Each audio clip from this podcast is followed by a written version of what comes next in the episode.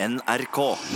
Og utakt er på plass for å bringe godt humør på formiddagen. Ja, vi er det, men jeg tenkte at eh, i dag må jeg rett og slett begynne med å gi deg en nesestyver. Hva er egentlig en nesestyver? Eh, Det er et begrep som sannsynligvis er i ferd med å dø ut, eh, tror jeg. Jeg kjenner ingen yngre folk som bruker nesestyver. Jeg vet nesten ikke hva det er, men jeg tror det er å gi deg en på trynet, altså du, i verbal form. Akkurat. Ja. Har jeg fått kjent det? Ja, jeg synes jo det, fordi at eh, du har jo to kjepphester. Flere enn det, men, men to sentrale.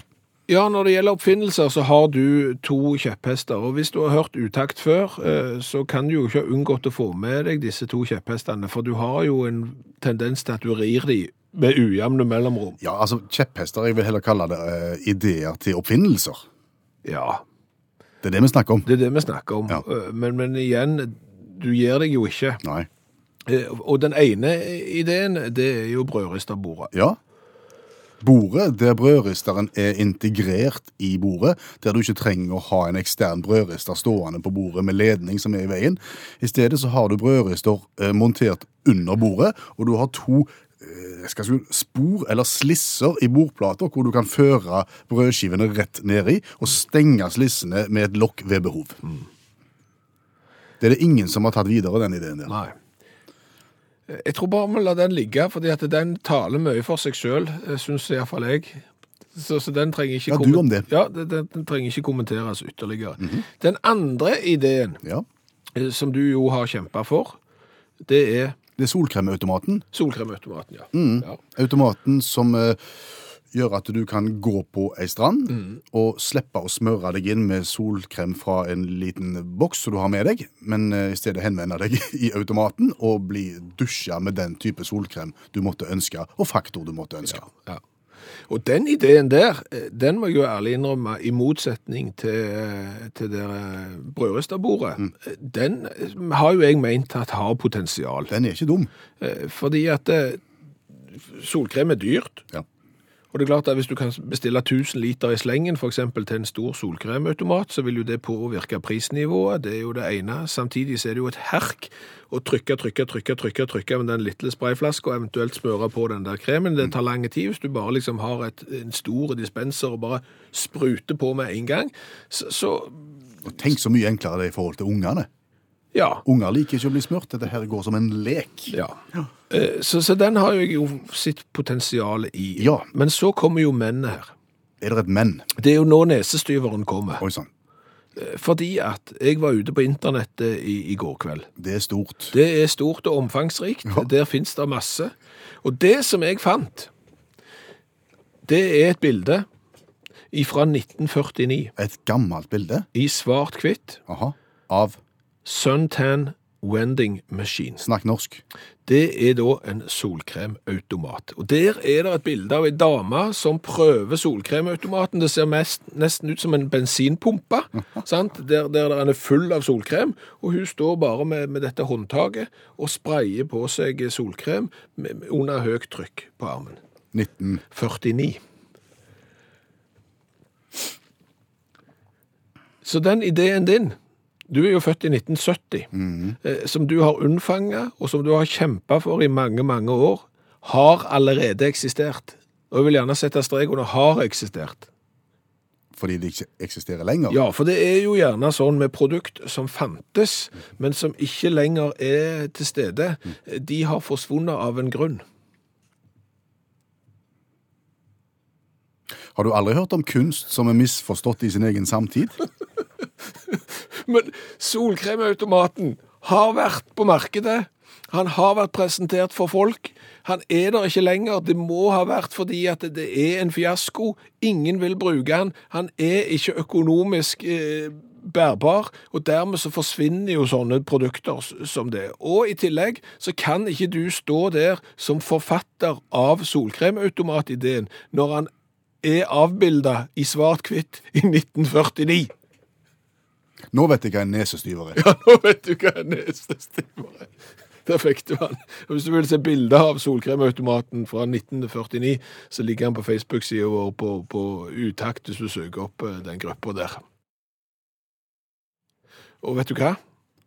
Når vi først skal snakke om oppfinnelser, ideer til ting som bør lages, så bør det være et produkt som folk tenker Jaha, selvfølgelig. Det er jo så genialt, enkelt genialt. Hvorfor har ikke jeg tenkt på det? Dette har jeg jo hatt bruk for hele mitt liv.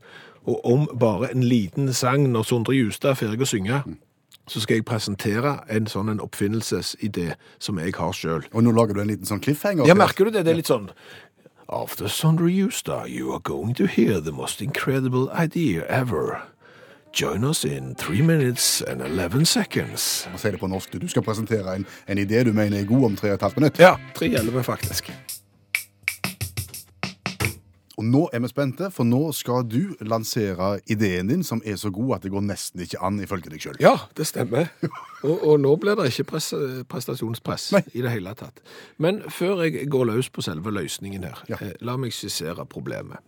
Hva skjedde på kontoret vårt i går når klokka var halv ett? Da sølte du masse kaffe. Ja, rikeslikt med kaffe faktisk, ut over Mm. kontorpulten.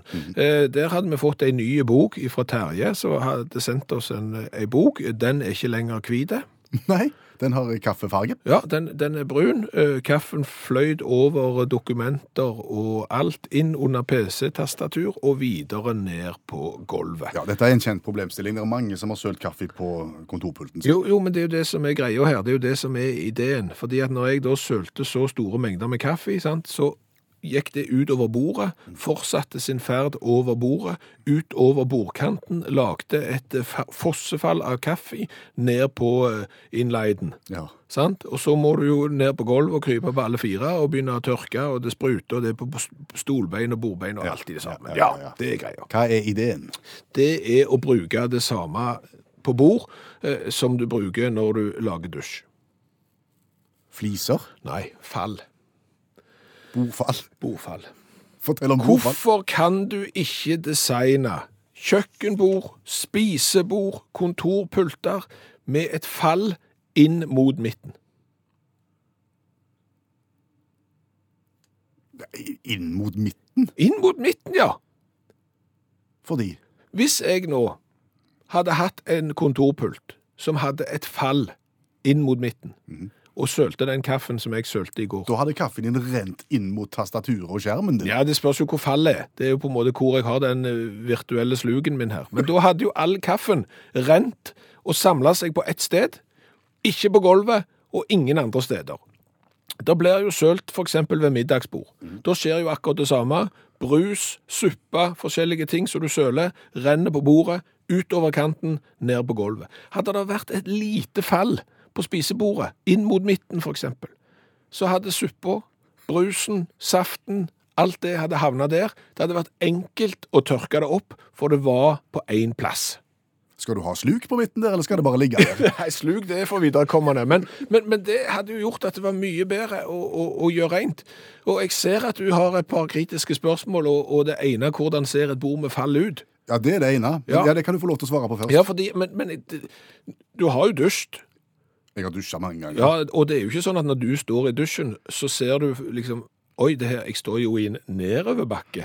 Det er jo ikke sånn at fallet er på 30 cm fall per meter. Det er, det er en liten halv centimeter, for Jeg skjønner det, men det skal veldig lite fall til, og veldig lite ujevnheter til, tenker jeg, på ei bordplate, før eksempel tallerken står og vipper. Ja, men det, du skal, Og har du vært borti det er irriterende. Jo, men det er jo ikke sånn fall. Det, jeg lager jo ikke en centimeter fall per 10 centimeter, og ta- tallerkenen står. Jeg lager bare et lite, bitte lite fall inn mot midten fra alle kanter, og jeg har nesten det Altså, søla vil jo alltid skje. Men, men, men nå har vi liksom unngått skaden. Og det er klart, da, kan du ha persisk teppe unna. Selv om du har unger, så kan du ha det der. Så, så blir ikke det ødelagt av, av melk og, og andre ting. Det er genialt. Okay. Ja, OK. Nei, men vi- lar den ligge. La den ligge! Ja, så ser vi. Nå håper jeg at det er noen gründere der ute som tenker at vet du hva, han der Skjæveland er ikke noen dumskalle. Ellers er det eventuelt mange som tenker at han er en dumskalle. Og det, Hovmod står for fall. For en tid tilbake så var vi på studietur i uh, in the United States of the USA, ikke sant? stemmer det. Da snakket vi med folk som kan radio. Og det som de eh, blant annet la veldig mye vekt på, det var det at lytterne må bli kjent med dere som programledere. Dess mer de vet om dere, dess mer de føler de kjenner dere, dess mer har de lyst til å høre radioprogrammet deres. Ja, eh, for da er det jo sånn at da blir vi jo en familie, da blir vi en gjeng, og så vet vi ting om eh, hverandre, så kjenner vi igjen ting, og ja. Det skal da visstnok virke, ifølge de amerikanske forskerne. Ja, Og med utgangspunkt i det så tenkte vi nå å, å la deg som hører utakt bli litt grann bedre kjent med oss. Men hvordan gjør vi det? Eh, Vi kan eksempel eh, finne ut hva for en historisk person vi ligner mest på. Ja, for eksempel. Eh, Og denne testen kan kanskje da gi en pekepinn om, om ja, hva skjebne vi som programledere har i vente, og hva for en retning vi bør ta i livet vårt. Ja, Er du eksempel, Per Øystein, en Napoleon? Er du en Gandhi? Er du en Einstein? Eller er du en dronning Victoria? Det vet jeg ikke. Nei, Ikke før jeg har tatt testen. Nei, for vi fant en test eh, på internett. Det er jo der all eh, den gode informasjonen finnes, og alle de gode personlighetstestene er. Og der kunne vi finne ut hvilken historisk person vi sjøl ligner mest på. Og vi har tatt den testen helt uavhengig av hverandre. Ja. Det er en haug med spørsmål som du skal gå igjennom, som har masse svære svaralternativer, så du må krysse av. Og etter hvert år så kommer du ut som en historisk person du ligner på. Mm. For eksempel, hva har vi svart på? Eh, Første spørsmål er jo sånn at hvis vennene dine skulle beskrive deg med, med tre ord, eh, hva alternativ hadde da vært mest sannsynlig? Hadde det vært at du var snill, hjelpsom, nestekjærlig? Hadde du vært intelligent, fornuftig og resonnerende? Eller eventuelt sær, spontan og svevende? Og masse alternativ til. Det har vi svart på. Og så må vi svare på hvor i verden vi helst vil bo. Ja, Så må vi svare på eh, hva for en type film vi eventuelt liker å se på kino. ja, er det klassisk romantisk kostymedrama? Er det science fiction? Eller er det krigsfilmer? Og så videre, og så måtte vi svare på hva for en hårfrisyre vi har å foretrekke, Ja, hvis du har hårfrisyre, for eksempel. eh, det er jo en ting. Vi måtte også svare på hva som var en god ferie for oss. Ja, er vi sånn jordomseilingsfolk? Er det øyhopping? Er det cruise? Eller er du kanskje ikke så fryktelig glad i å reise i det hele tatt, og blir helst hjemme? Så går det litt på utseende. Bart og skjegg, foretrekker vi det? Ja, eh, er du religiøs? Hva er favorittmaten din? Og når du tyr til kunst, eh, hva søker du helst til da? Ja, Vil du på teateret, vil du på kino, eller eh, er du egentlig ikke så glad i kunst? Ja, og hvordan liker du at bøkene dine slutter? Vil du at de skal slutte eh, happy, alt skal gå bra, eller kan det godt være sånn at helten dør, men at helten sitt livsverk blir til gavn for menneskeheten? Og hvis du først skulle finne deg en jobb innenfor et eller annet, hvor hadde det vært? Er det vitenskap, militær, kunst, lederskap, skole, omsorg, pleie, osv., osv.? Hva for noen fag likte du, mislikte du på skolen? Og hvis du fikk være konge eller dronning i verden for én dag, dette er siste spørsmål, Ja. hva ville du da- gjøre? Ja, og da kunne du velge om du eksempel, eh, hva ville du ikke gjøre? Altså du ville jo bare skrive om alle lovene i hele verden, sånn at de passte til din mening. Eventuelt bygge et stort slott, eh, så du kunne leve i resten av eh, livet ditt, eller ville du bygge opp eh, skoler og bibliotek for å få opp eh, kunnskapsnivået i hele verden? Alle disse spørsmålene har vi svart på. Og ved hjelp av da avansert internettmatrise, så skal da eh, programmet finne ut hva for en historisk person vi ligner mest på. Eh, Skal fortelle, hvem skal fortelle først hva de ble, siden Skal vi ta stein, saks, papir? Ja. Stein, saks, papir. Ja, da vant jeg. Ja, da fikk du saks, og jeg fikk papir. Da får du velge. Skal jeg presentere først? Da kan du fortelle hvilken altså for, for alle lyttere av, av uttak, den ene programlederen eh, ligner ifølge internettprogrammet veldig på J.R.R. Tolkien. Mannen bak Ringenes herre. Ja, forfatteren bak Ringenes herre. Du er mannen bak fantasy-sjangeren, den moderne tids og aller mest populære eventyrfortelleren i verden. Din fantasi er enorm, som også din kunnskap om historie, språk og kultur. Du er en skapende person, og du kommer til å skape mye stort i ditt liv og bringe glede til mange hjerter. For en makker jeg har. Hæ? Det er ikke verst det, av en mann som ikke har lest Ringenes herre engang, og som syns at eh, første filmen var så kjedelig etter to timer med gåing at jeg skrudde av. Det er ikke verst. Nei. Nei. Ok, da vet vi ganske mye om deg. Ja. Og hvem ligner jeg på? Ja, hvem ligner du på? Mahatma Gandhi. du, er du Gandhi? Ja. Du er Du er et av de fredeligste menneskene som har levd. Du tror, du tror at mennesker kan leve i harmoni og fred, og at alle problemer kan løses ved dannet samtale. Var alle i verden som deg, fantes det verken krig eller sult. Det er jo fantastisk. Det stemmer jo litt, men det er jo mest fordi du er så kolossalt konfliktsky. Ja, jeg går for fred. Even, Even Hjertås, hei. God dag. Du var det som kom gjennom nåløyet i dag. Det var jo bra. Vi håper det går bra. Ja, Tror du nå det, egentlig? Ja, litt skeptisk, men vi får prøve. Vi prøver. Vi snakker verdens vanskeligste konkurranse her. Vi gjør det. Et spørsmål for verdens vanskeligste spørrebok. Svarer Even rett, så skal han få gladjodling. Blir det feil, så blir det tristjodling. Men uansett så skal han få lov å sprade rundt i Os i Hordaland i utakt-T-skjorte med vedhals. Er du klar, Even? Ja, jeg er klar. Vi spiller verdens vanskeligste konkurranse. Vi skal til en mann, Bruce, som har klart å komme seg inn i Guinness rekordbok. Ikke fordi at han har gjort noe som ingen har gjort før han, men fordi han har gjort noe flere ganger enn noen annen i verdenshistorien. Spørsmålet er, hva er det Bruce Masters har verdensrekorden i? Oh, kanskje det er å ete eh, små eh, griseknoker fra vassen. Noe amerikansk noe, tipper jeg. Han, forslaget var altså verdensrekord i å spise griseknoker, sa du det? Ja, sånne griselabber. Ja, OK.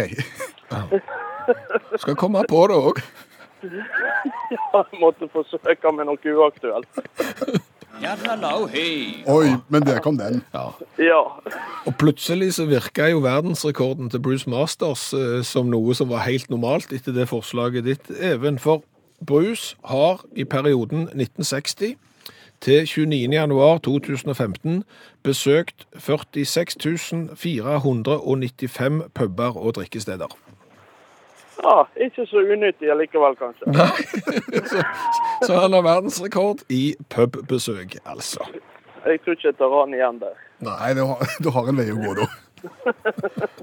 Men, men OK, du var inne på noe som vi putter i munnen, om ikke annet, så, så du var på en måte litt på, på rett spor. Even? Ja. Ja. Ja, det er så vidt sant. Men da blir det uttaksskjorta med vedhals uansett, som du altså da skal sprade rundt på Halhjem Os kommune.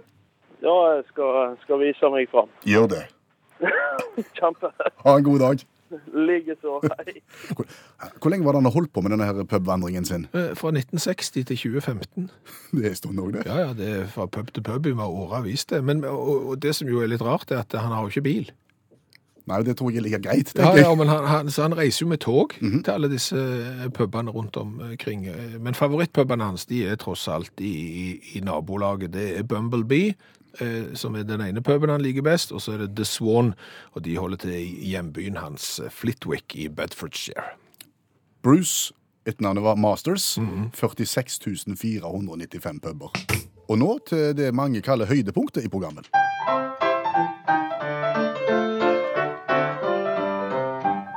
Forstår det den som vil? Ja, det kan umulig være at vi synger 27 sekunder revyvise, men det kan hende det er fordi at det ofte er en litt artig nyhetssak bak. Men vi synger ei revyvise på 27 sekunder, én hver dag, eh, med bakgrunn i en aktuell sak. Og i dag er det din tur. Ja, eh, og vi skal til USA. Eh, Vi skal til et område som kalles for Walden Pond, som ligger i Massachusetts, eh, fire mil eh, venstre for Boston. Altså, hvis du ser Boston nedenifra, så er det til venstre for, for Boston. Og Boston skal som kjent fram. Ja. Om du har hørt om Henry David Thoreau? Nei? Nei, altså, han var jo litt av en tase, for å si det sånn, fordi han levde på 1800-tallet, eh, og han var både, han, han skrev bøker, eh, han skrev dikt, han var filosof, eh, han var en del ting som jeg ikke vet hva det er. Han var imot skatt, Ja. blant annet. Han var historiker, og så var han transcendalist. Ja vel. Det er òg noe. Det er det òg. Ja. Ja. Og hva holdt han på med Nei, altså, han, alt, han gjorde jo alt dette, men det han er mest kjent for, det er at han skrev ei bok som heter Walden, Life in the Woods. Okay. der han reflekterte over det enkle livet i naturen. Det gjorde at han bosatte seg i skogen ved siden av den Walden Pond, Altså et lite tjern? et lite tjern, ja. Der bodde han i to år, to måneder og to dager.